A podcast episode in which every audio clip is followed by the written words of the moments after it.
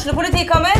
Ine Jansen er purk. Er du purk? The motherfucking bitch. Alt jeg vil, er å finne ut hva som skjedde med mannen min. Jon Carew. Er jeg sikta for noe? Iben Akeli. Det er du. Ole So, Lars Berrum og Big Daddy Karsten. Hvem sin side er du på, egentlig? Anette Hoff, Tone Danielsen, Kommer du fra Afrika? Jørnis Josef, Nesten. Kløfta. Trond Espen Seim, Det er synd å si det, men det var feil mann som døde. Purk. Premiere tirsdag på TV2 Play. SA-podden presenteres av Fleksi. Regnskap med et smil.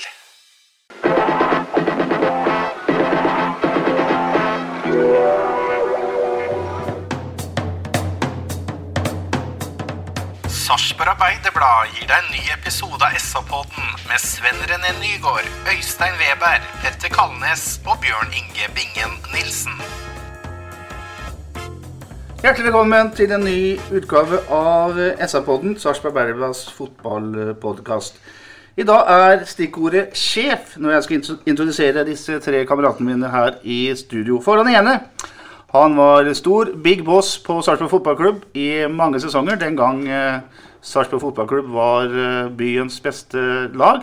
Han var lagkaptein, og når du var lagkaptein på SFK på den tida der, så var du sjef på banen, og du var sjef på forum og på kjelleren.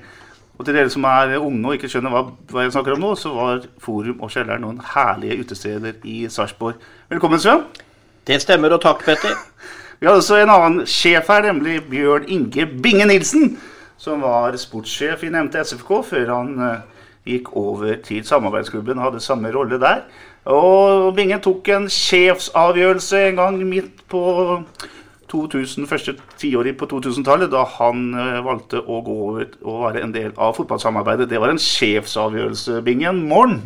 Morgen, morn. God kveld. Og så kommer eh, hele grunnen til at jeg begynner å bable om disse sjefene. Det er nemlig sistemann her. For jeg traff eh, forrige lørdag en, en veldig hyggelig Sarpsborg-dame som kom bort til meg og sa at hun Er ikke du mye med Øystein Weber å gjøre? Så. Jo, sa. Jeg treffer han både sent og tidlig. Og så sier hun at du skjønner at eh, han var sjefen min en gang. altså nede på Råbekken. Han- Øystein var eh, butikksjef, og jeg jobba i butikken her nede. Og han var så flink og grei og kjekk, og så var han så pen. Men kan du ikke være så snill til han Øystein at han må få av seg det skjegget jeg så? Hei, Øystein. Ja, jeg holdt på å si, Skal jeg kommentere noe på det? Jeg føler at jeg fortsatt holder meg ung og pen. Ja. Det som forundra meg aller mest, var at hun var en meget oppegående dame. som sagt. Så det... Over til fotballen nå, Petter. Ja, Sjøl er jeg eh, enn glad nok for å være en slags vaktmestersjef i dette kollegiet. Vi skal snakke om eh, noe som ikke er noe morsomt i det hele tatt. Eh, Øystein, eh, Stabæk, Sarpsborg 08 3-1. Vi starter som vi alltid gjør med en slags, et slags hovedinntrykk av kampen. Ja, Det første jeg tenker nå, Petter, det er at kampen i dag er på mange måter litt sånn vannskille, tenker jeg, i forhold til å diskutere hvor, hvor gode er vi. For nå brenner det alle steder det kan brenne. Nå er alle alarmklokker på. Eh, Da har ikke jeg starta noen finanalyse om verken ball possession eller sjansesløsing. Vi står igjen med null poeng etter en kamp på Nadderud som vi minimum hadde trengt å ta med oss en, eh, en uavgjort eh, fra. Og da er det alvor. Alvor, alvor, alvor. Det er, det er de tre stikkordene jeg kan gi akkurat nå. Eh, Svein, fotball eh, kan oppfattes urettferdig noen ganger. Eh, og det at det er 2-0 til hjemmelaget etter 45 minutter på Nadderud, det er Ja, det er urettferdig, spør du meg. Ja, men det er jo ikke det allikevel, fordi det er jo sånn at Stabæk har jo fotballspillere da, som skårer mål. Vi har ballen mye og masse muligheter vi til å kunne skåre mål, men vi har ikke de typene. Det, det, det skinner tvert igjennom i dag. Vi har eh, ikke poengplukkere, vi har ikke målskårere. Vi har én han kom inn og, skåra med en gang. Og det hjelper ikke å trille ball og legge innlegg inn i boks hvis ikke det er spillere som lukter, eller går i krigen, eller slår den helt intelligente passingen. Vi må også legge til grunn her at vi hadde sikkert 15 innlegg og ja, eh, også dårlig kvalitet, så det var helt eh, ekkelt i perioder. Så det, eh, det var ikke ufortjent. Altså, vi, vi, vi gjør oss ikke fortjent da, til noe bedre enn det vi gjør her i dag.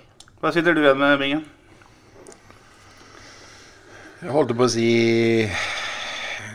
Nå tror jeg nesten at vi har sagt eh, at nå er vi på det dårligste nivået ever for hver kamp de har spilt i det siste. Men det når nest, det, det når liksom ikke bunnivå i dag heller. For at vi er jo helt i fritt fall. Vi er eh, eh, svake i tempo. Vi er eh, svake i nærteknikk. Vi har uh, veldig lite spill i lengderetning. Jeg ser at Linseth prøver å tre gjennom Kone én gang, og det blir offside i første omgang. Da, vi har et, uh, da han prøver å ta kryssløp bak bekken. Eller så må jeg jo si det at uh, Kirkevold juler Karemboko i to omganger, og hva heter stopperen til Stabæk igjen fra Bergen? Amakwa juler Kone i to omganger. Mm. Uh, Kone alene på topp uh, er uh, ikke mye det lukter mål av. Jeg forstår ikke at Lars Bohinen kan la være å bruke Fardal oppsett i spann med Kone. Jeg skjønner ikke at dere har jeg, jeg, Prosjekt Bohinen er jo definitivt noe av det svakeste vi har opplevd i 08 sin historie. Så jeg er fryktelig skuffa. Jeg blir mer og mer lei meg, og jeg er mer og mer sikker på at vi kommer til å gå rett ned hvis ikke det skjer noe uh, på overgangsmarkedet som uh, andre klubber vi konkurrerer mot i nedrykksstriden, allerede har gjort noe med. Ja, nå er jo Bingen inne på noe her, og nå må vi på en måte kalle en spade for en spade. Nå holder det ikke lenger at vi har folk som snakker om at vi har rangert som en av de fem-seks beste troppene før seriestart. For øvrig skjønner jeg ikke helt, Petter, dem som driver med sånn rangering her. Nå har vi det vi har, og jeg er helt enig. Vi må få inn noe nytt blod i dette vinduet for oss å overleve. Det er, det er sånn jeg tenker eh, situasjonen er akkurat nå. Og nå har butikken også vært åpen noen dager. Det syns jeg på en måte også er verdt å dvele over. For den åpna jo i, i når August starta her. Og, og, husk på det at nå, nå har de laga rundt oss, de har forsterka. Eh, Brann de lykkes de med sine sine forsterkninger, så ser dette om mulig enda mørkere ut. Og Vi møter et Stabæk i dag som er, eh, som er forsterka. Og vi har ikke fått til noe så langt. Så får vi håpe at det er en plan for det. Men tida begynner å gå, og i dag så er det en nøkkelkamp vi ikke får tilbake. Det er viktig å presisere det. Her skulle vi minimum hatt med oss et poeng. Du snakker om eh, Bingen, du har snakka om de siste poddene om at det er sentralt på midtbanen det virkelig brenner. Eh, den kampen i dag er jo Du er vel ikke noe mindre klar på det etter kampen i dag? Jeg skjønner ikke at det går an også med to så egentlig sterke pasningsføtter som eh, det er i Saletros og Nicolay Næss. At det, går an å få så litt ut av talentet sitt som dem to klarer til sammen på sentralen midt. Det er en gåte. Og i tillegg til, hver gang vi skal utspille fra keeper, så ramler de helt ned, begge to, uten unntak, på egen 16-meter for å skal hente ballen. Ikke for å slå den gjennom tre ledd. Nei da, de skal trille den til bekk og litt rundt og litt uh, bak, og de skal spille etter stilpoeng. Jeg syns uh, sentral midt, uh, Lars Bohinen, hvis ikke du gir beskjed til Berntsen om at det er der du vil styrke stallen, og hvis ikke du, Hans Petter Arnesen, åpner lommeboka og gir fullmakter til, fra styret nå til, til, sport om at er, nå skal vi ut og styrke, eller så går det helt i dundas ja, jeg bare sier at Det er en oppfordring dere bør lytte på nå. For at nå brenner det noe så inn i helvete. Det er ingen som kommer til å klare å redde det laget her sånn, hvis ikke vi gjør noe på overgangsmarkedet nå. Nei da, og der har jo Hans Petter vært forbilledlig tydelig, egentlig. Det vi må slutte med nå, det er å late som at dette er noe som Thomas Berntsen beslutter. Han snakka om et selvfinansierende overgangsvindu. Det er ikke Thomas Berntsen sitt bord. Nå må styre administrasjonen på banen. For det har en betydelig nedside å dette ut av dette her. Dette betyr enormt mye for folk i byen. Og øh, vi, vi, har snakka om noen estimater, flere enn oss har snakka om noen estimater men det å dette ut av denne ligaen, og da snakka vi tosifra antall millioner. Så nå er det styret og administrasjon som skal instruere Thomas Berntsen om hva han har til disposisjon. Og det er ikke Thomas Berntsen som skal si at dette skal være selvfinansierende. Det er viktig å få fram det også. Men jeg har lyst til å spørre Øystein, hva du syns om kommunikasjonen rundt dette. her. Altså, vi, har, vi, har, lest tre artikler i SA de siste dagene, de siste uka. Den ene er at Lars Bohin sier etter Lillesund-kampen at vi trenger spillere. Eh, Så er det eh, Hans Petter Arnesen, styreleder, som er ute og sier at eh, vi får for litt igjen for pengene våre. Men hvis dere vil trenger mer penger til spillere, så får dere det. Og så sier Thomas Berntsen at jeg har fortsatt ikke, foreløpig ikke snakka med Hans Petter Arnesen. Det skal være selvfinansieringen, men jeg kan nesten garantere at det kommer noen spillere. her. Jeg, jeg, jeg blir ikke klok på den type kommunikasjon. Nei, jeg blir heller ikke klok på den type kommunikasjon. Og det må de nå rydde opp i. Det er det korte svaret jeg kan gi på det.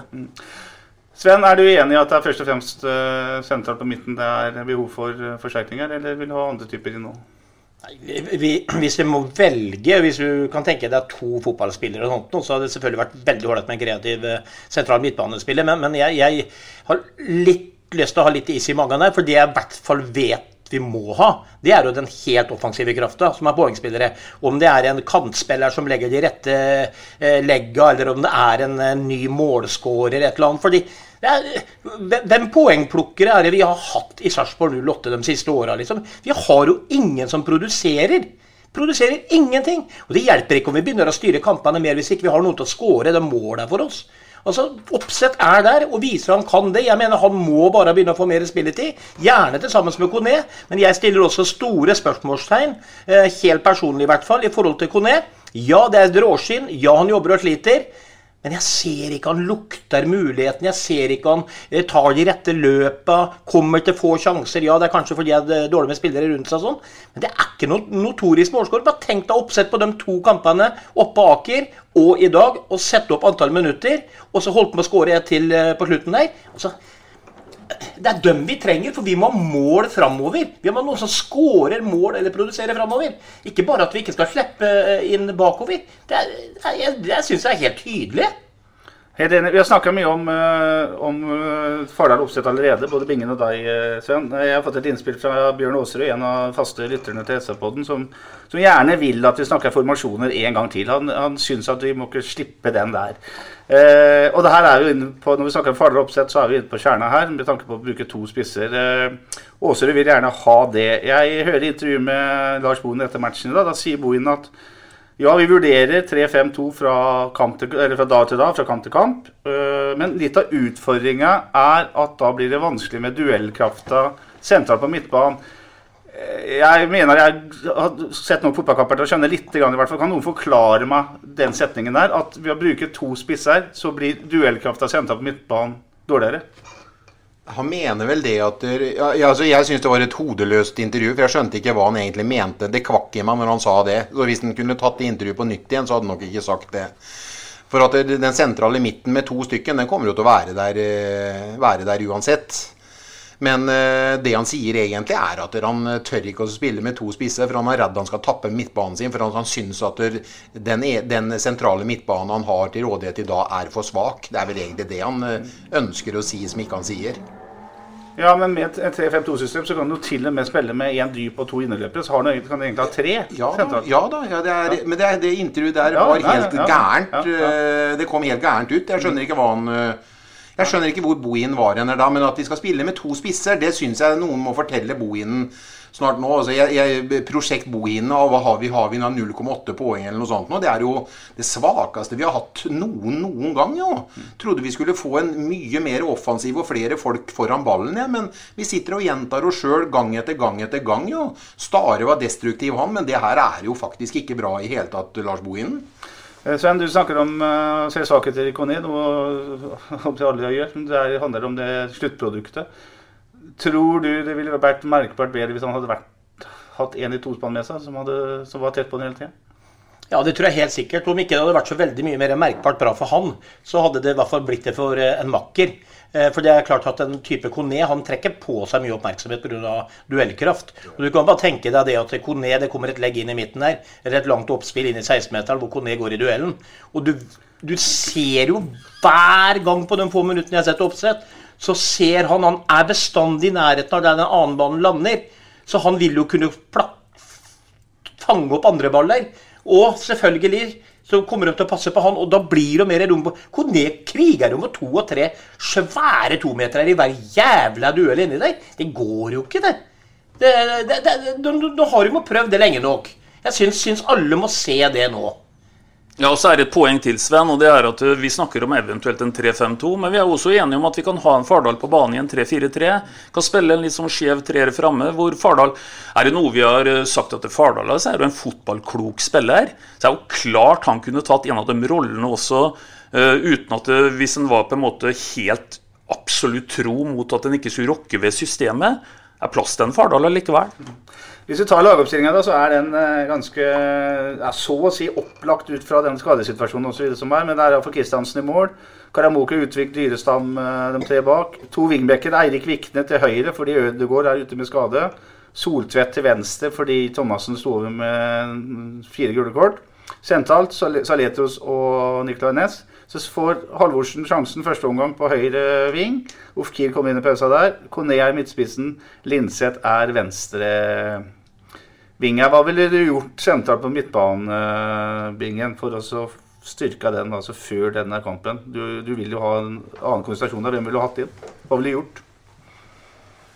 Nei, Jeg tror ikke det er så veldig mye mer å, å ta av. Jeg, jeg tror han uh, Bohin spiller jo med dem han syns er uh, best for dagen. Det er ikke noe tvil om det. Men kvaliteten uh, sånn som det er nå Eller for å si det sånn, så er det vel ingen som har utvikla seg i positiv retning under Lars Bohin, da. Og den tendensen var der også under Stare. Og den var der også siste året eh, under Geir Bakke. Så kvaliteten har eh, blitt forringa i troppen generelt og i laget generelt. Det er ingen enere som står fram og setter skapet på plass. Det er ingen sjef på, på midtbanen. Og den finnes ikke i troppen per i dag. Du har Pålsson som vi trodde skulle være den sjefen, men det blir noen balltap, tempomessig for svak osv. Saletro skulle være åpenbaringen. Vi ser jo glimtvis at den har pasningsfoten osv., men det blir jo veldig veldig svak, det òg. Jeg, jeg, jeg ser ikke at vi har noen som er bedre enn dem to som kanskje er lagets svakeste eh, ledd nå, sentral midtbane, så ser jeg ikke at vi har noen som er bedre enn dem som spiller der per i dag. Så det er jo det store problemet. Mm. Man tør tydeligvis heller ikke bruke Mendy, eh, Sven, som vi jo slapp til på i NM-kampene her. Nei, og det har ikke jeg lyst til å blande meg opp i, for jeg ser ikke treningene. Så der, der kan det være at ting skinner gjennom at det er, det er for uskolert ennå, osv. osv. Men én ting som eh, tvinger seg fram noe helt sikkert, det er at stakkars John Gautvedt han har vært skada herfra til Paris siden han kom til 08. Men nå er jo på gang igjen. Og bare det lille du fikk se i dag, det lille innhoppet forrige gang Han har jo flere stikkere gjennom ledd han, vet du, i løpet av de minuttene enn det Nicolay Næss og Saletros har i løpet av hele kampen før. Så han tvinges inn i midtbanen nå, håper jeg. Han er ganske tøff duellspiller. Han er bra til å dekke rom. Og han er fantastisk fotballintelligent. Så han må inn der sentralt. Og da må du finne noen nye poengplukkere foran han igjen også, som kan forvalte tinga der. Da har jeg trua på det igjen. Men akkurat nå så syns jeg det er helt Jeg er enig med Gaute Vetti. Nå er han mest sannsynligvis spilleklar eh, fra start neste kamp, og han spiller helt sikkert. Så han, eh, han kommer til å ta den plassen der. Sånn. Han er, eh, det, det visste han på det lille innhoppet han hadde i dag, at han er en, eh, en meget god spiller for det 08-laget nå. Så vi trenger Gaute Vetti, skal jeg få være helt ærlig. Jeg ønsker han slår enda mer baller fremover i banen, og at vi får folk fremover i banen, og at vi spiller med to spisser. For faen, må vi Det er egentlig ganske interessant, for jeg syns både Vetti, Bojang og også Ofkir gjør helt ålreite innhopp. De kommer inn på forskjellige tidspunkt. Og ikke minst da eh, Kristian Fardal Opseth. Det ser- skjer på stillingen 0-3. Det er 22 minutter igjen, eh, Øystein. Det er ikke det er 12 minutter igjen. Unnskyld. Eh, Lars Bohin sier at det her går ikke allikevel, så jeg, jeg tar ut Kone og så setter jeg inn Fardal Opseth, så spiller jeg fortsatt med én spiss. Ja, her blir jo to, Han har gitt opp. Ja, her blir jo 22-12 faktisk et vesentlig forskjell, ikke sant? Eh, Det er jo det åpenbare spørsmålet som sikkert alle supportere der ute spør seg nå. Det er når vi ligger under på den måten vi gjør her, eh, hva har vi å tape på å gamble? Og det, det, det er litt gamble over det. Eh, Vi har vært inne på en Mendy, og en Fardal kommer inn 12 minutter før slutt. Sent, spør du meg. Særlig når Fardal gjør et eh, fantastisk mål med én gang. Da var det ti minutter igjen. Det kunne vært en sluttspurt med to spisser på banebingen, men det blir ikke. For en er tatt av. Ja, Bohin satte seg på benken tidlig i dag. Han ga opp ganske tidlig. Det var ikke den der eh, aggressive som sto på linja og mana guttene sine framover. Så det var eh, Kampen bar preg av at det var lite tro på det både på og utafor banen ettersom det skred frem eh, i annen omgang. Så den kampen var nok tapt i hodet på Bohin lenge før han gjorde det byttet. Jeg har lyst til å ta, gå litt gjennom matchen. for det er noen nøkkelsituasjoner her som eh, jeg synes er litt interessante. Du har allerede nevnt en av dem allerede. Fire minutter, Bingen. Så er det en av få direktepasninger stikker her til eh, Cornel. Han er dessverre i offside. Overslutninga er også veldig svak, men det er liksom noe som Linseth prøver seg på der. Eh, så er det også eh, Men så er det en situasjon eh, Seks minutter spilt, eh, Sven. Har lyst til å spørre, eller dere to, både deg og Bingen. Dere er eh, gamle rever i egen staffefelt.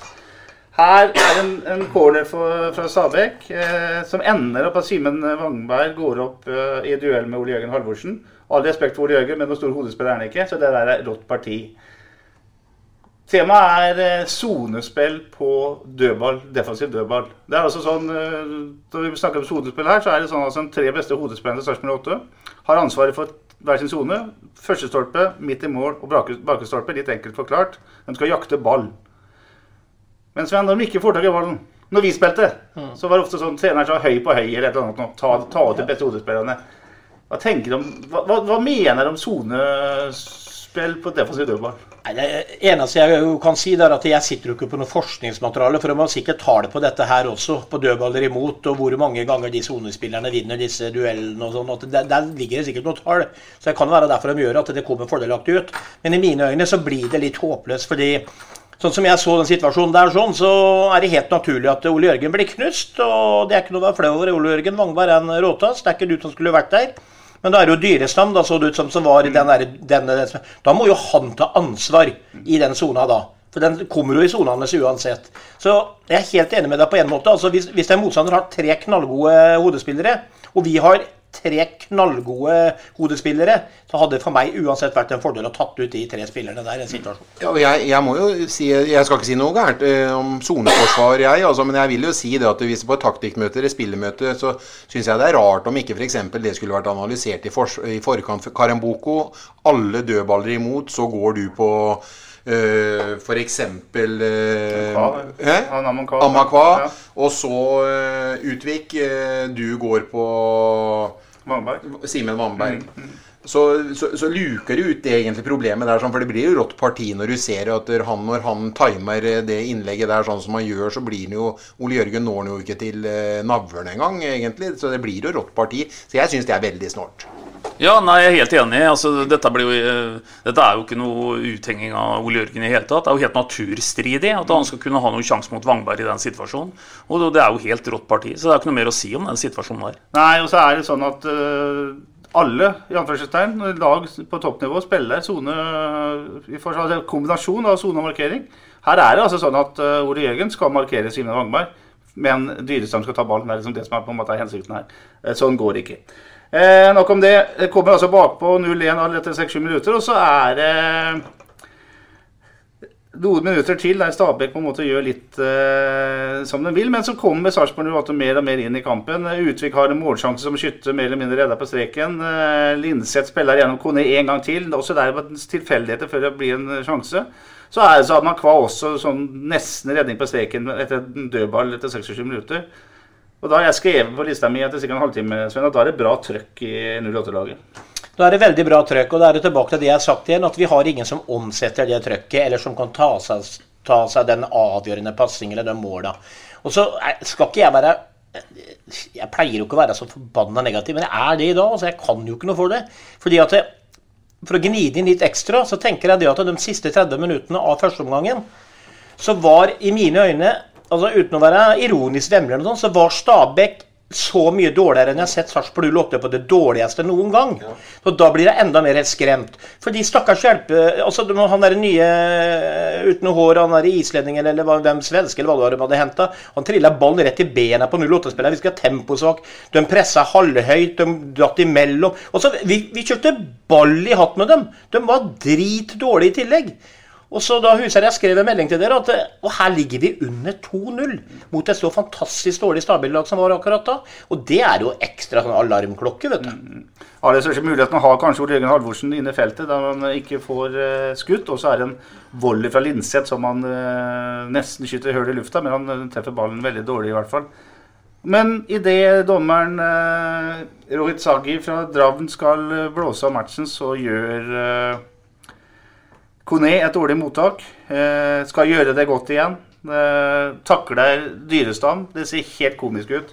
Og formspiller nummer én på Sabek nesten i hele Eliteserien, Oliver eh, Edvardsen, setter inn eh, 2-0 mot spillets gang. Ja, det er jo så brutalt og så mot spillets gang. Det skal jo nesten ikke være mulig. Han er jo egentlig alene med fem, med fem burgunderrøde der. Eh, Det er jo nesten så en får noen assosiasjoner til Kling og Klang, som var eh, disse som styra butikken hos Pippi Langstrømpe, som datt i bena på hverandre. For dette her skal jo ikke være mulig å slippe til dette her. Og så er det et poeng som vi har vært inne på nå. Eh, Vi har utrolig mye mer ball position enn Stabæk i, i den perioden vi nå snakker om. For til tross for at Stabæk går opp i en 1-0-ledelse og dessverre da, fortsetter å eie ballen mye. For, for det eh, går ytterligere en god del minutter. Da ser jeg en statistikk hvor Stabæk har hatt ballen mer enn 70% av tida. Eller, ja. Så, så er det faktisk sånn at når den omgangen er avslutta, så, så tror jeg ball position er i favør Sarpsborg 57-43. Og da skal du ha ballen mye, altså, den siste halvtimen, for å snu en sånn statistikk på, bas, basert på det første kvarteret.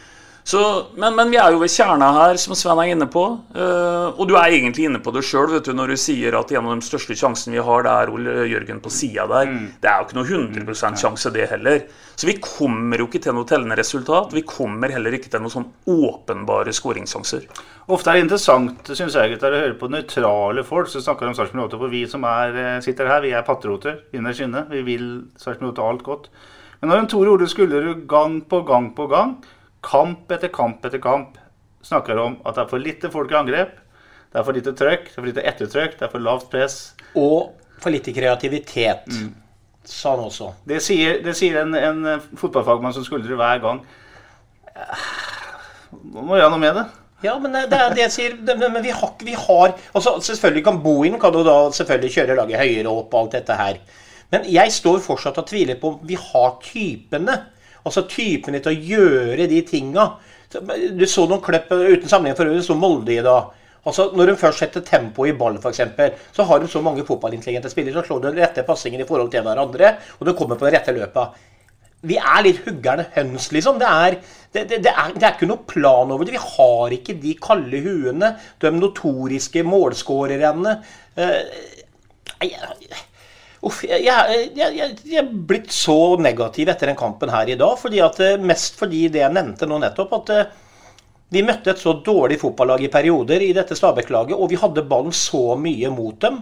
Og produserer så utrolig lite. Der, det er jo der det trøkker. For vi hadde faktisk nok folk i perioder. Vi hadde folk i boksen. Vi kom til lette innlegg. Vi kom på overlapper. Så vi hadde folk nok offensivt. Men når ikke den pasningen finner en medspiller, eller medspilleren lukter hvor pasningen kommer, og hvis ikke medspilleren klarer å forvalte det innlegget, så står det jo der, da. Da skjer jo ikke noe mer, da.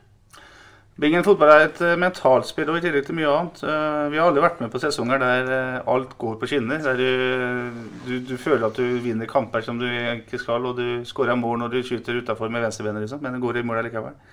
Nå er Sarpsborg 08 inne i en, sin tredje sesong der du føler at alt går mot.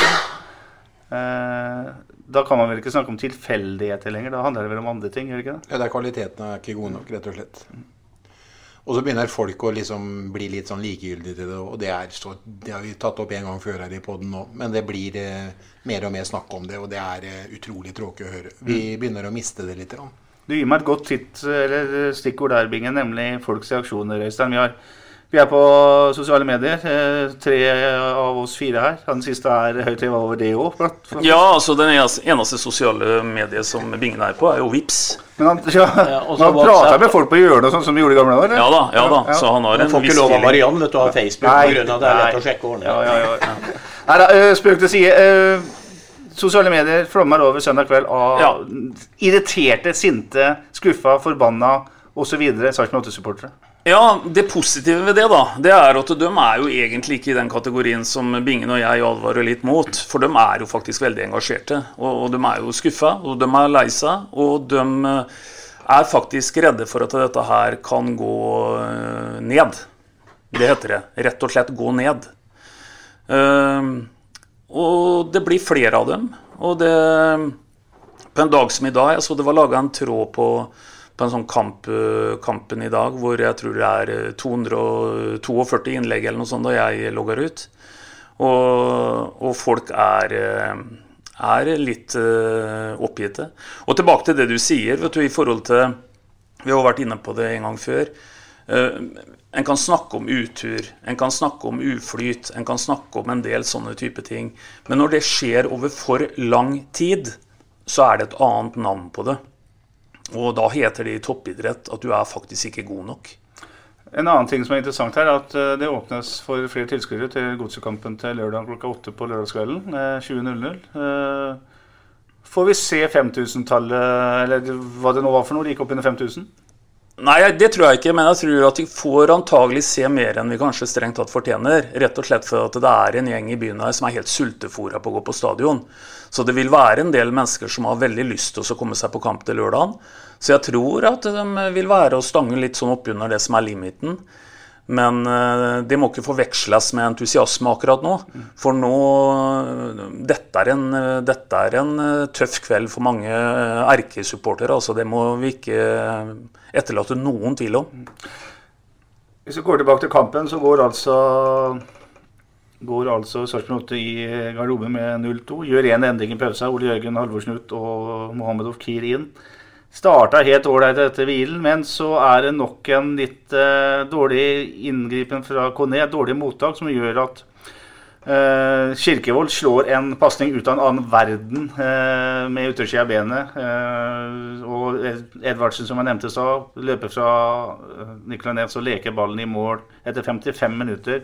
3-0 blytungt igjen. Ja, blytungt igjen. Og så viser jo her Stabæk noe som vi dessverre ikke har vist på veldig veldig lang tid. Da, og det ordet heter effektivitet. For det er klart i dag så er, er Stabæk ganske kliniske i de avgjørende situasjonene. Og igjen, det er ikke vi. Og til syvende og sist så dreier fotball seg om det, å skåre mål. Så de er, eh, de er, dyktige når de skal være dyktige. Mm. Så er det sånn at altså, Et feil mottak av spissen til Sarpsborg 8 ender opp i at det er totalt ubalanse i 08-laget. Det er én pasning, og så er det alene med keeper. Eh, hvor mange ganger mister ikke ballen til eh, spissen til motstanderen ballen uten at det blir 08-sjanse andre veien? Ja, da Samtidig så er de ikke ferdigskåra, den 3-0-skåringen. Det, det, det, er en nydelig inngripen, for å kalle det det, av han Edvardsen der, som kipper den over Kristiansen og i mål.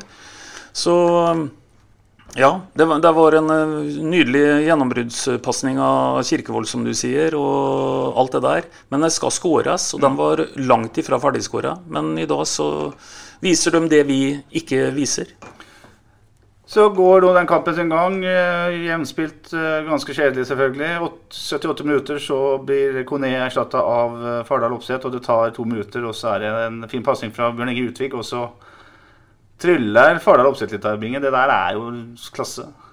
Ja, To skuddfinter egentlig, og så plasserer han. Så Stavøk-spilleren blir jo liggende på, på, på, gresset. Og den var definitivt ikke ferdigskåra, men en nydelig prestasjon. Og da, da ser du hva som bor i Fardal Opseth. Da. Og da det er jo det Sven Eller det er egentlig alle er så forbanna på, at sånne kvaliteter eh, ikke blir brukt. For at spisser som uh, over tid skårer så mye mål som det Fardal Opseth har gjort, Uh, de har noe iboende. De har noe naturlig. Det er naturlig for ham å skåre mål. Og er det noe vi trenger i 08 om dagen, så er det mål. Mm. Og Det er jo tenne, som å tenne fyr på den debatten det her, eh, Sven, når han går rett inn på banen og gjør det målet med en gang. Ja, og det, det er klart at eh, men, men, vi har jo ikke sett mye av han, da.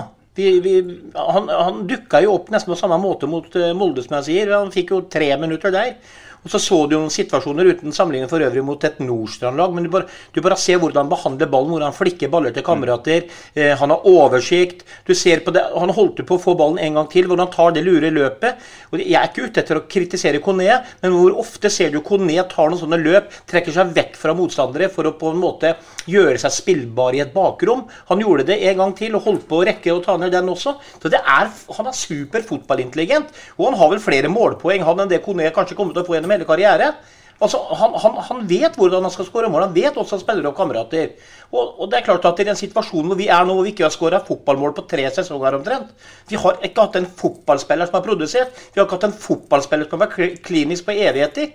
Så sitter han nå på den benken vår så, mens vi sliter. Og i dag kunne vi fått 17 poeng. Meldte oss vekk fra nedrykkskampen for en stund. I dag meldte vi oss på, er jeg redd for, den for resten av sesongen. Ja, for vi holder oss til tabellen, Øystein, så er det sånn at 08 har 14, eh, Tromsø har 13, Mjøndalen har 12, Stabæk har 12 og Brann har 7. Og som du sa i stad, alle lagene under oss har én kamp eh, mindre spilt enn eh, Sarpsborg 08. Det er, det er, jo vel ingen som er, ikke erkjenner at det, det, her er en bunnstrid nå? Nei, nå må vi erkjenne det. Dette blir en bunnstrid. Dette blir veldig veldig tøft å greie. Vi må være så ærlige. Og jeg sier gjerne det, altså hvis, eh, hvis, det kan vekke noe som gjør at, eh, at vi berger. For det er jo ingen tvil om at det er det vi ønsker alle sammen. Men nå er jeg fryktelig bekymra for at dette går helt gærent. Jeg vil faktisk gå så langt som å si at hvis Brann øh, lykkes i overgangsvinduet og de har henta noen interessante spillere. De har henta en Finne, en Bård Finne. De har henta en Heltene Nilsen. Da begynner vi faktisk også Jeg hadde ikke blitt overraska om det hadde kommet ut noe bookmaker-tall på at vi hadde blitt favoritt å være nummer 16. Sånn som, sånn som ståa er nå. Og det sier jeg ikke med noe glede i stemmen. Jeg syns det er bånn trist. Mm.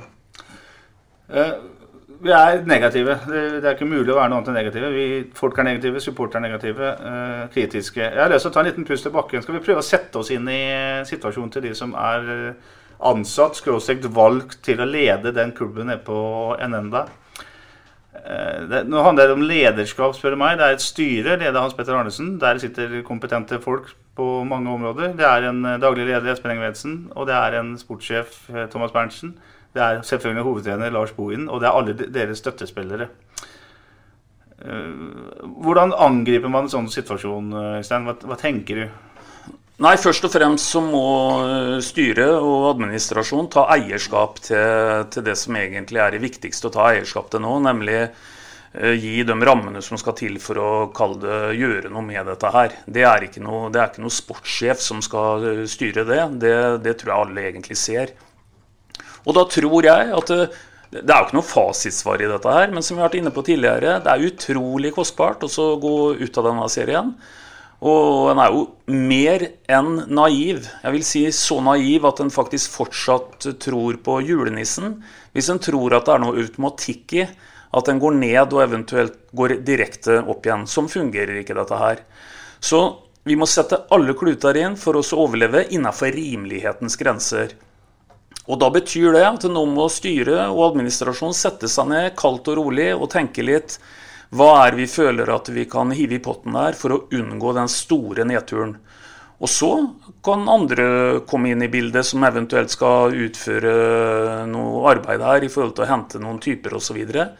Men nå må nå, nå, nå, kan det ikke være sånn at en, en lurer på om, om, styret snakker med administrasjon osv. Jeg tviler jo ikke på at de snakker godt sammen, men du var jo inne på det med kommunikasjon i stad.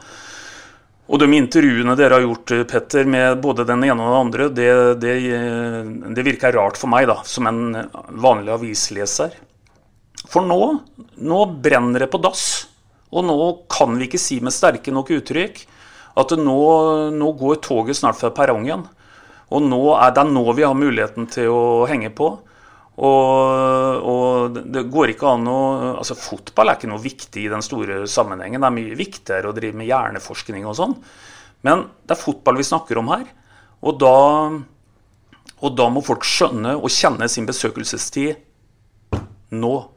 Bingen, du har sittet i flere roller i, i, flere klubber. Eh, Ikke flere. Eller to, to klubber, da?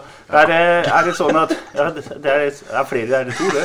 To, det er flertall. Uh, er det nå uh, det er viktig at styret og styrelederen virkelig viser seg fram? Altså, ja, ofte så skal jo styrelederen være i bakgrunnen og bare følge med, men ja, må du vise seg fram nå? Jeg tror nok Hans Petter må være litt mer synlig nå, i sånn som Espen Ingebretsen det er eh, For det første så må det jo være en erkjennelse da, nå ifra tre parter her, eller tre, jeg vil si, tre hold. da. Eh, Daglig leder, eller administrasjon, og så er det sportssjefen, og så er det styret.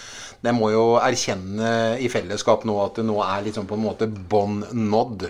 Nå skal vi snu det her i sammen, og så må de snakke godt i sammen, og så må de bli enige om at det og det budsjettet Thomas har du til rådighet på sport, og så backer Espen deg på, eller administrasjonen deg på, på det her. sånn. Så det er veldig viktig at de snakker godt sammen. Det må ikke være noen som skal komme krypende til noen her nå. For at nå er det her, som Veberg sa i stad, det er så viktig for personer og mennesker og for byen vår, så at vi klarer å opprettholde det nivået.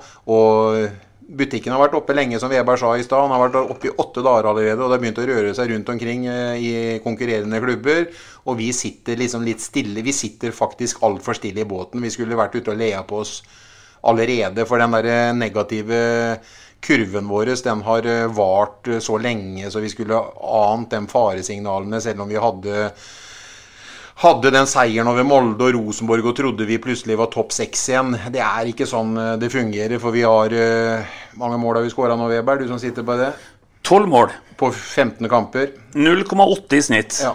Mm. Og det er jo spesielt uh, lite når du tenker på at OI da i dag runda OI for Molde alene 17 eller 18 mål. Ja, og Lene Olsen satt vel inn sitt tolvte. Ja. Er, eh, hvilket ansvar har spillergruppa her, Sven? Altså, alle skjønner at spillergruppa har ansvar for å spille fotball og skåre mål osv. Men eh, hvilket ansvar har den for å ta ansvar for den totale situasjonen? Da? Eh, må man eh, høyne måten man eh, snakker til hverandre på? Må man bli tøffere mot hverandre? Er det noen som må gå i bresjen for uh, sånne mekanismer? Eller skal de gjøre jobben sin på banen og, og klare seg med det? Nei, selvfølgelig. altså, altså profesjonelle fotballspillere i dag, de tjener jo mer enn meg som har gått på høyskolen, alle sammen likevel. Så de bør jo gå ut der og, og, og gjøre maks ut av hver situasjon, på hver trening, på hver kamp, i garderoben, og av det de sjøl klarer. Men når du spør om noen skal gå ut og være sjef Joakim Thomassen syns jeg har vært strålende i år. Han eh, ser det utpå deg, prøver å være en sjef. Han var dessverre ikke med i dag. Men vi, vi har jo ikke de sjefene. Altså, vi har ikke nok av dem, i hvert fall. Fordi at eh, det lyser ikke den herre skal jeg kalle det den faenskapen. Jeg savner noen ganger. I dag spilte de på gress. Det var jo det, de her litt stygge taklingene, de litt der nådeløse duellene osv. osv. Men jeg tviler ikke på at gutta gjør så godt de kan. Men det er, den, det er den eh, kvaliteten de har. De, jeg tviler på om de går ute der og soler seg og ikke løper så mange meter som de bør. Men de må til enhver tid gjøre maks ut av alt, de som er der nå. Og så må vi bare håpe på at de forsterkningene som i hvert fall jeg etterlyser, kommer. For som jeg sier, jeg sier det til n-te gang. Altså, Jeg har ikke noe statistikk på det, men jeg tror ikke jeg bommer veldig hvis jeg sier at vi ikke har hatt en fotballspiller i Sarpsborg 08 som har produsert nesten eh, tosifra antall målepoeng, om det enten er med innlegg eller mål. For antall mål, det vet vi jo. Det er én uh, spiller ute der i dag som er uh, sarping. Resten er innleide uh, soldater, hadde nær sagt. Betyr det nok for dem? Betyr det nok for en som kommer fra Sverige eller Mali eller hvor de nå er fra? Ja, det, det, betyr mer for Joakim Thomassen enn det gjør for Anton Saletros. Mm. Men hvis jeg bare skal si det, det, har noe med personlighet å gjøre. tenker jeg, for Hvis jeg hadde vært en fotballspiller i dagens tid, sånn som jeg mener jeg sjøl hadde huet før, og jeg hadde kommet fra Bangladesh og hadde spilt i Sarpsborg 08 og hatt min egen personlighet, så hadde jeg fa faen meg gjort maks uansett. Jeg tjener masse penger. Det er jobben min. Det er som å gå, gå på jobben i barnehagen. Jeg, ikke, altså jeg får lønn der. Jeg har å gjøre det beste ut av det. Og det, jeg, jeg, forstår ikke at man ikke at man skal stille spørsmålstegn og sånne ting. For det her er gutter som tjener mye penger. Og de har rett og slett å gå ut og gjøre maks ut av sin situasjon. Og mer enn det klarer de jo ikke. Nei. Nei, Jeg tenker også at uh, egentlig så burde spørsmålet egentlig unødvendig stilt, uh, Petter. For, for uh, ta en Anton Saletros. hvis han er opptatt av å spille fotball på rimelig høyt nivå til han er par og 30 år, eller hvor gammel han skal bli før han eventuelt legger skoa på hylla, så må jo han levere bedre enn han gjør i Sarpsborg i dag. Og, og, derfor så er jo hvis det, hvis det virkelig er der det, der det stopper, at en brenner ikke den siste prosenten der, så øh, ja, så driver de og undergraver sitt eget levebrød. Lager ikke noe god CV, i hvert fall. Nei, altså, Jeg har ikke noen grunn til å tro at ikke de legger sjela si i dette. her, altså, Men jeg hører jo at de sier at uh, spillerne i dag løper mindre enn de gjorde for tre år siden. Uh, så er det sikkert mange årsaker til det, men Uh, jeg syns det er for ålreit å, å diskutere også den biten av det. For det er klart at for Joakim og Ole Jørgen så er dette her, og Magnar så er dette her det er hjertesak og være så det. Det er jo ikke sikkert det er det for alle andre som kommer utenfra.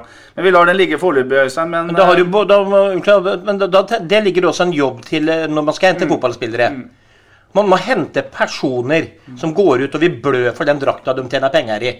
Så hvis man henter fotballspillere som ikke klarer å blø like mye som Joakim og Magnar og, og de sarpingene Ole Jørgen, har de ikke henta rette folk, i mine øyne. Nei, jeg har aldri noe problem med Steffen Arne, Arnemann eller Patrick Mortensen eller Matti Lund Nilsen, dette her, for eksempel. Eh, nok om det, Øystein. Vi har snakka om kommunikasjon. Hva vil du høre nå? Hva vil du lese? Hva skal de si? Nei, jeg vil høre at de kommer ut og snakker klart og tydelig med én stemme. En 08-stemme som forteller at uh, dette her kan vi forvente oss at det skal skje nå i det overgangsvinduet vi dessverre har kommet ganske langt inn i. Eh, For jeg tror alle forventer nå at en eh, får en tydelig kommunikasjon, og helst at den tydelige kommunikasjonen inneholder eh, om ikke noen lovnader, for det er ingen garanti i den businessen her, men et ærlig forsøk på å berge det som berges kan. Og igjen, jeg kan ikke få understreka sterkt nok hvor mye dette betyr for folk. Eh, og vi kan ikke la dette her glippe mellom hendene på, på oss. Altså, det, har vi ikke, det kan vi ikke. Men jeg må si nå, nå, nå flagger jeg Det står advarsel med, i kursiv, altså. Hvem skal si dette her, da? Nei, Hans Petter må gjerne ta, ta et ansvar, eller kanskje Espen Engebretsen eh, ta et ansvar i forhold til å gå ut og, og i i min bedrift så tenker jeg det er sånn at hvis det virkelig hadde brent i forhold til ting, så er det administrerende direktør som skal ut og snakke. Og det er Espen Engebretsen. Han er direktøren med strek under. Og, og han må kanskje komme på banen og være tydelig nå på at vi gjør noe forsøk på et eller annet. Vi skal, vi skal ta litt mer om overgangsvinduet helt på tampen av denne sendinga. Men jeg har lyst til å snakke litt om uh, hva Lars Bohin skal gjøre for guttene sine nå. Er det nå sånn at det må en radikal endring til i måten de spiller fotball på? Vi kan godt glemme tallformasjoner, da. Eller tallkombinasjoner.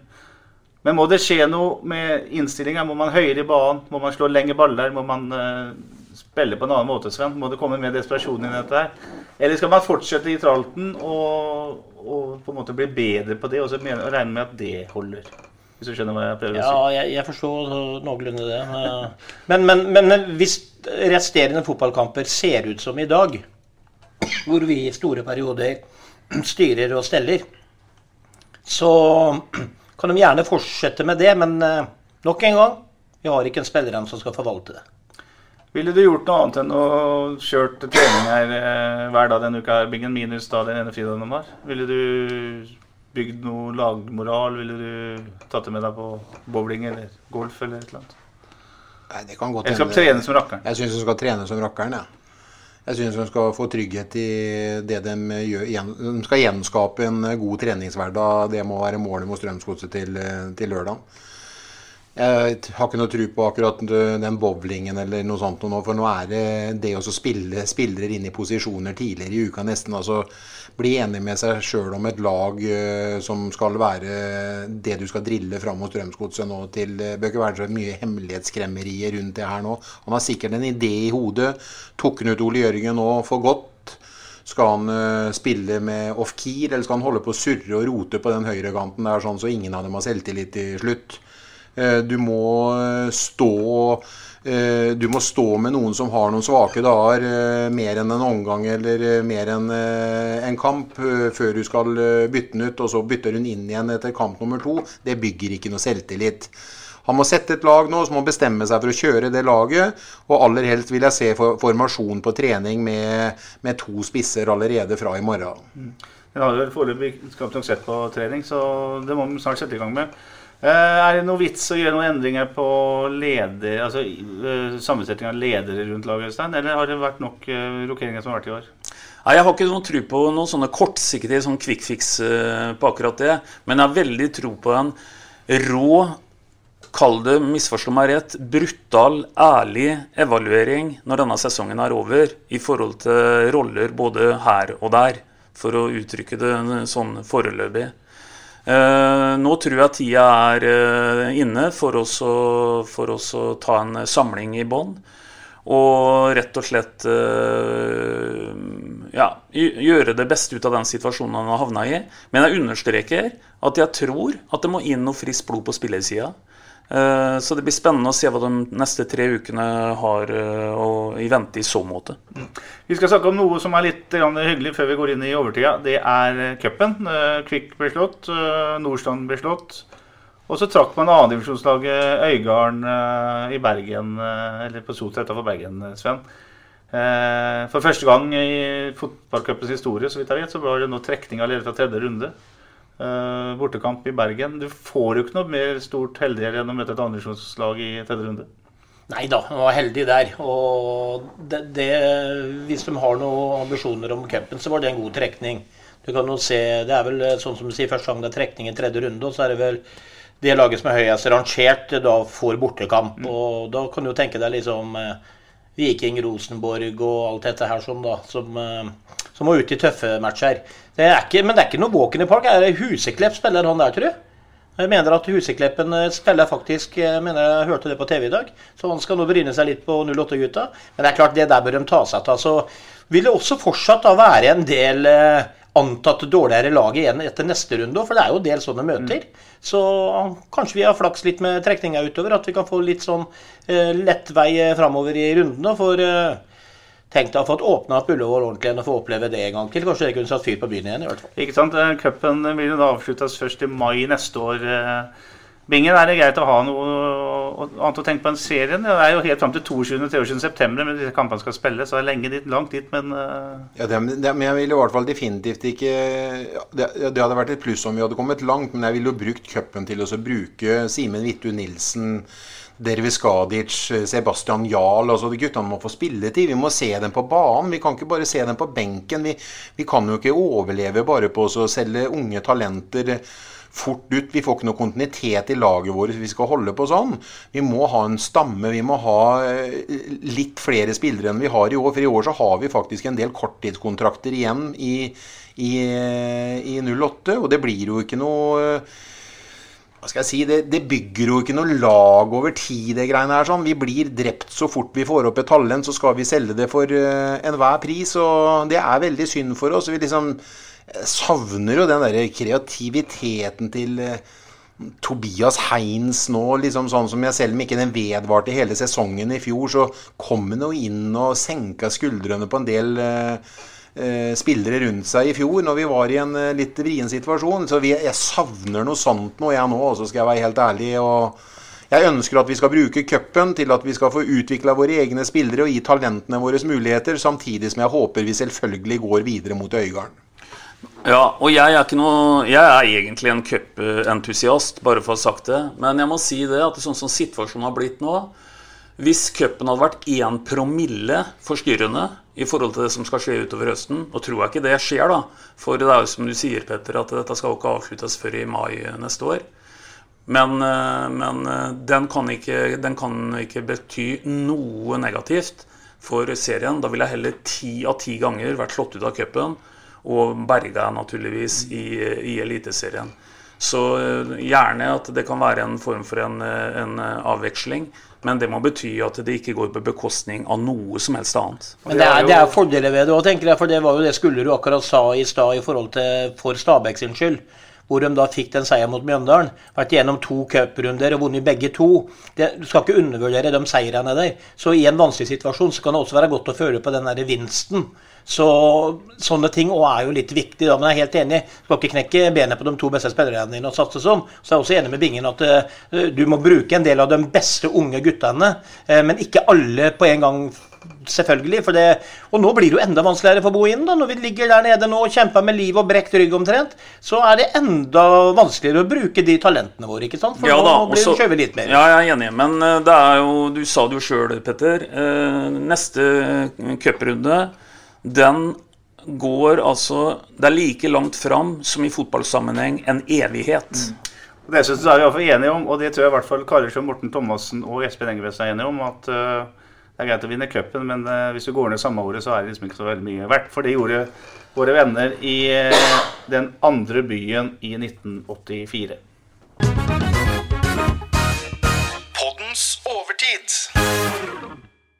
Vi skal snakke litt mer om eh, overgangsmarkedet i uh, poddens eh, overtid. Vi er enige om at uh, Sarpsborg 08 trenger forsterkninger. Men Øystein, du bet deg merke noe Stabæk-treneren sa i dag om eh, hva slags type man skal hente, og hvor lang tid man skal bruke før disse er på banen. Ja, han ble jo spurt om litt sånn type akklimatisering. Han, eh, han ble spurt om uh, dette her med noen av dem de stilte med i dag. Men som han sa, vi har vært tydelige på at de skal levere fra dag én. Og det er litt der jeg også tenker nå, at nå har vi ikke Det er veldig fint med med signering av unge talenter osv. som en ser i et eller annet langsiktig løp på osv. Men nå må vi ha to tanker i hodet samtidig, og vi må få inn noe som, som gir en spirit fra dag én. Stabæk setter inn fire mann. Det betyr at de tar radikale grep. eh, Sven, Eh, vil du ha så store omveltninger i Sarpsborg 8? Nei, eh, Bekka, eh, fire nye spillere. Men eh, jeg jeg hadde, jeg sier det nok en gang, poengspillere. Altså, Vi husker alle hva Bodø-Glimt gjorde. Mange var solgte 85 poeng et eller annet etter den sesongen hvor de vant. De styrte jo hele laget. Får du inn et par store poengspillere, som da selvfølgelig Øystein var innpå, som de gjorde i Stabæk, som går rett inn på laget. Ferdig med det. Ikke noe sånn der, eh, vente fire runder og få dem spille dem varme. For da, vi, da, da, da, kan det være for sent. To gode poengspillere, og så satser vi på, i mine øyne Jeg er veldig enig med Bingen at en sentral midtbanespiller er viktig, men da skal han være jævlig god. Da skal han være en duellvinner, han skal være kreativ som fy, og det spørs om, om de og, og, er ledig. Men jeg har litt trua på Gaute, da, at han kan komme inn og lage litt eh, ordning der. Og da trenger vi dem to framover banen. Da tror jeg dette her ordner seg. For vi har en bra bredde i forhold til den defensive strukturen osv. Og, så videre, og det målet vi slipper inn i da, det kommer litt på bekostning av at vi står høyt i banen utover på 2-0 der osv. Så, videre. så vi har vært gode defensivt i år, så der, der, der gnir det ikke. Men vi skaper jo altfor lite sjanser. Og vi skårer altfor lite mål. Det er, jo, det, er, jo, det er jo sannheten, det. Så er det faktisk også en kjensgjerning noe som er nytt i år, Øystein, er jo at vi slipper inn også for mye mål, faktisk, i forhold til det veldig snål, målsnåle eh, spillet til Mikael Sari i fjor. Eh, Ja, og så en kommentar til i forhold til overgangsvinduet. Og da, da må vi også understreke, Petter, at nå sitter vi her klokka 23.38 på kvelden og spiller inn podden etter kamp. Og vi vet ingenting om korta til en eh, Thomas Berntsen. Men det vi vet, det er at per 8. august så hadde vi ikke signert eh, kall det den typen vi nå etterlyser. Og da blir jeg også litt skeptisk. For jeg tenker sånn at én ting er når butikken åpner, men én ting er når du på en måte starter å forberede den butikken som skal åpne. Og her har jo åpenbart noen andre klubber eh, forberedt det, i forhold til at eh, ja, jeg så på Brann i stad. De har signert inn fem nye spillere her. De har rydda litt i dette her allerede nå i den første, første uka. Tre ut, fem igjen. Stabæk har vi jo vært innom. De har jo åpenbart uh, forsterka. Så langt så har ikke vi gjort det. Og da tar jeg høyde for at i morgen tidlig så står det i blekka di, Petter, at det har kommet inn en navn. Det vet jo ikke jeg noe om når jeg sitter her i kveld. Men det jeg vet, det er at vi evner i hvert fall ikke å få tak i noen som virka fra dag én, til det som var en veldig, veldig veldig viktig kamp i kveld mot Stabæk. Så for eksempel Lillesund gjorde med Geir Bakke som trener, som spilte med Tom Petterson som midtstopper. Eh, svenske som kom rett inn på laget. Som for eksempel det. Bingen, det det er en stund siden du var eh, det med kjøp og salg, i hvert fall av fotballspillere. Du har solgt mye rart eh, etter det. Eh, Du sier at overgangsmarkedet åpna forrige søndag. Hva betyr det egentlig? Betyr det at man ikke har lov til å preke med folk før de åpner, eller er det bare en sånn derre eh, proforma-ting? At man driver med, med diskusjoner, men så gjør man, fullfører man det først når vinduet åpner? Er det sånn det er? Ja. Det er lov? Eller? Det blir i hvert fall gjort. Så det betyr at uh, den spilleren som har spilt i Eliteserien da, dem, uh, man begynte ikke å forhandle med dem forrige søndag? Nei. Nei. Da, men da har andre klubber vært lenger framme i forberedelsene, da, rett og slett. Uh, og vært Eller de har i hvert fall vært godt forberedt, den som har klart det, da. Ja, men det er jo sånn jeg tenker, og det spørsmålet du stiller Bingen der, det må jo, altså, vi lever jo i en liten andedam her oppe i nord. Jeg Du tenk- vet jo det her, Du tenker bare- liksom at det er ikke lov å ta en telefon, eller kanskje sende et røyksignal, eller et eller annet. Det er klart det. Nå, nå trodde jeg faktisk at Bingen skulle begynne å dra et kvarters historie om den gangen han skulle selge makta i Tione, så jeg er glad han ikke kom inn på det igjen. Men uh, det er jo helt åpenbart at det er, ja, ikke sant? Det er åpenbart at det er muligheter og så i hvert fall blunke til hverandre, som godblunke til hverandre, som Prøysen ville sagt. Jeg visste det, jeg vet du, men eh, jeg ville bare at ingen skulle liksom briljere litt. Men det var han ikke interessert i, skjønte jeg. Så det Nei da. Uh, Men er du trøtt, Bingen? et element uh, før de sovner her, Øystein, et element i det å hente fotballspillere til Norge, da. Det er det faktum at nesten alle lag har kunstgressbaner. Eh, nå s- hører vi at eh, vår venn eh, som var her hos oss i fjor, som havna i Rosenborg eh, Molins. Molins. bare skal spille på naturgress. Det har blitt en faktor, det her, Sven. Eh, biter ikke norsk fotball seg litt i rumpa da når man ikke kan hente profiler for de ikke gidder, de gidder ikke å spille på plastikk? Eller hva det nå heter for noe? Ja, det, men det, det har jo vært en sånn uendelig diskusjon mellom naturgress og kunstgress, og så er det forståelse for at noen steder i landet så går det ikke an å ha naturgress når fotballen begynner så tidlig og slutter så sent. Så det er jo, det er jo for og mot på alt som er her sånn, men eh, det er jo ikke noe tvil om det at dere, de fleste utenlandske spillerne de foretrekker selvfølgelig naturgress. Så biter seg selvfølgelig litt i rumpa der, men eh, får begynne å hente noe fra CSKO Moskva og sånt, for de har vel kunstgress hatt i mange år. Eh, dem som kommer inn nå, Bingen eh, Hva slags typer skifter eller går til norsk fotball nå? Er dem som ikke har fått seg en eh, klubb i Europa, eh, og dermed må ha seg en arbeidsgiver oppe i høye nord? Eller kanskje vil oppleve et uh, lite eventyr i et land de har hørt om og ikke har vært i, f.eks. og spilt fotball. Vi hadde jo en eh, eminent franskmann på venstre bekk mm. en gang i tiden som heter Berthaud. Og når du begynte å titte litt på CV-en hans, så skjønte du jo ikke at det var mulig at Berntsen klarte å få han til, eh, til eh, Norge. Så det må være kanskje der vi, eh, vi, vi skyter fuglen, da. Han trengte ikke pengene, i hvert fall. Nei. Nei da, eller hente en Thomas Totland som, eh, som uh, skåra sitt fjerde mål i dag for eh, Tromsø. da, eh, En 21-åring. eh, som, eh, Så kan en si at det er fire mål er vel ikke all verden, men det hadde vel vært en toppskårer i 08 eh, per nå. Så det er ikke sikkert at en skal gjøre det eh, veldig komplisert eh, heller. Så det er sikkert mange veier til rom her. Jeg skal stille et spørsmål til dere alle tre før vi eh, gir oss med overgangsmarkedet. og Jeg kan begynne med deg, Vingen, for du har allerede svart på det. Så kan de to andre prøve å tenke. Ja. Hvis, det hvis dere klarer det. Ja, det blir krevende. Jeg, skal, jeg jeg vil at dere skal gi meg ønskespilleren, ikke navn, men eh, typen som Berntsen skal hente før godsekampen. Hva slags type vil dere ha inn i laget? Bingen. Jeg vil ha inn eh, Nå ved siden av Gaute Vetti, så vil jeg ha inn eh, ei jorderotte som så skal eh, tilrettelegge for Gaute Vetti. Eh, at han skal få lov til å briljere som eh, den han er. At han skal holde motstanderne unna. Han skal takle ballen, levere til Gaute Vetti. Vær så god. Da kompletterer du midtbanen med to, eh, to forskjellige typer spillere, men som til, i sammen vil bli en veldig, veldig god miks. Sven, da? Det er, det er poengspillere, og med det så kan vi jo diskutere om det skulle vært en notorisk målskårer. Da står vi igjen med plutselig tre spisser, så det blir jo vanskelig. Men i hvert fall noen kanttyper eller noe sånt, noe som er eksplosive, som kan dra av mann én til én. Eh, legge de her pasningene litt ferdigskåra, da. Eh, men da er du jo avhengig av å ha de spissene som også, også på en måte kan forvalte de her leggene. Og der, der har vi i hvert fall én i mine øyne. Han andre er veldig uferdig der ennå. Men vi må ha noen som produserer målpoeng. Altså Du kan tenke tilbake til Hauge, Sinkenhagel, altså sånne typer spillere her som det bare blåste ned den sida, titta opp. Linseth kommer bakfra, tar et løp ut i 45, får den rett på lissa. Mål. Ikke sant? Ikke sånn grøfte og treffe stolpe ut i nett eller i nettveggen og sånn, for det har vært for mye av det. Og det er kippe på bakre stolpe, går over tverrliggeren og det, vi, vi må ha noen som kan forvalte de tinga der. Øystein? Altså Utfordringa er jo at den drømmespilleren vi ber om, er vel sikkert også da signert av noen, eh, noen andre. For det er klart at det, uh, hvis vi skal uh, oppfylle kan du si, Bingens drøm, da, så har jo akkurat blitt signert igjen nå i Brann.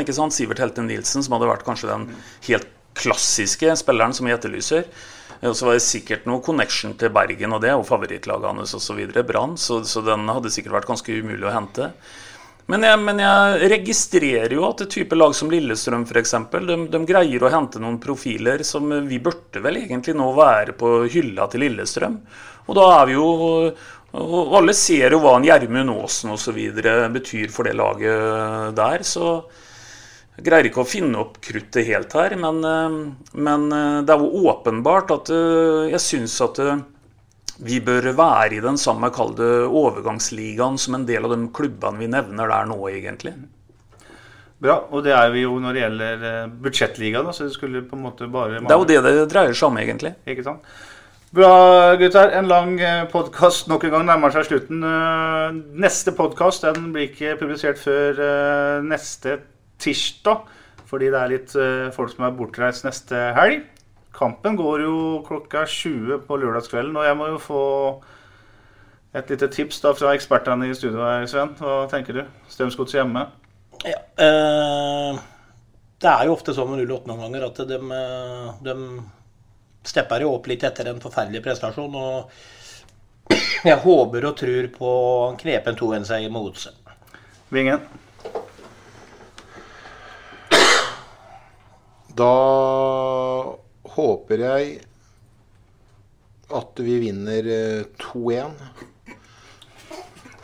kan du ikke finne Skal alle ha 2-1 igjen, da? Du er så, du er så kreativ. Neste gang så får nesten Bingen ta først. Ja. ja. Det som vi i hvert fall kan være enige om, det er at hvis det var en sekspoengskamp og en viktig kamp i dag, så er det ikke noe mindre viktig nå å begynne å ta noen, ta noen poeng her. Så hvis vi er på hjerte og håping og alt det der, så, så satser vi på Nei, jeg kommer aldri til å si 2-1, eh, Petter.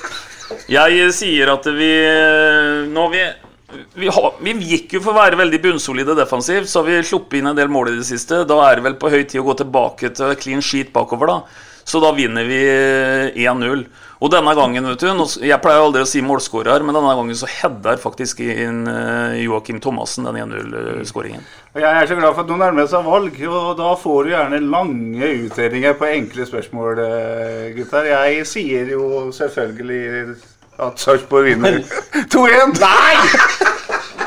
og det er faktisk uh, Sånn at uh, Linseth uh, for første gang, tror jeg i, Nei, kanskje ikke for første gang i Sarpsborg uh, 08-drakta, men han gjør iallfall begge måla. Jeg tror Fardal og Opseth skårer begge to. Ja, bra. Eh, vi har prøvd så godt vi kan å være positive, og kreative, ikke minst. Konstruktive. Eh, vi håper på bedre tider, og så prekes vi. Vi prekes. Vi prekes. SA-podden presenteres av Fleksi. Regnskap med et smil. Ukens annonsør er HelloFresh. HelloFresh er verdens ledende matkasseleverandør og kan være redningen i en travel hverdag. Mange av oss har nok vandret i butikken både sultne og uten en plan for middagen, som ender med at vi går for de samme kjedelige rettene gang på gang. Middag burde være dagens høydepunkt. Som HelloFresh kan du nå velge mellom 25 ulike retter hver eneste uke, eller få HelloFresh til å sette sammen menyen for deg. Dette gir deg muligheten til å prøve nye og spennende retter alene eller sammen med familien. Du velger antall porsjoner og får alt levert på døren på et tidspunkt som passer for deg. Oppskriftene er enkle, og maten er lett å lage både for store og for små.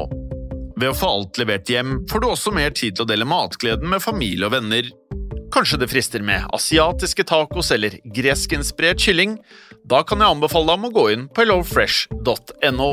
Her kan du bruke koden FOTBALL og få opptil 1779 kroner i rabatt på de første fem matkastene hvis du ikke har prøvd Hello Fresh tidligere. Du kan også bruke rabatten hvis du har vært kunde og stoppet abonnementet ditt for tolv måneder siden eller lengre. Gå inn på hellofresh.no og bruk koden FOTBALL. Har du et enkeltpersonforetak eller en liten bedrift? Da er du sikkert lei av å høre meg snakke om hvor enkelt det er med kvitteringer og bilag i fiken, så vi eh, gir oss her, vi. Fordi vi liker enkelt. Fiken superenkelt regnskap.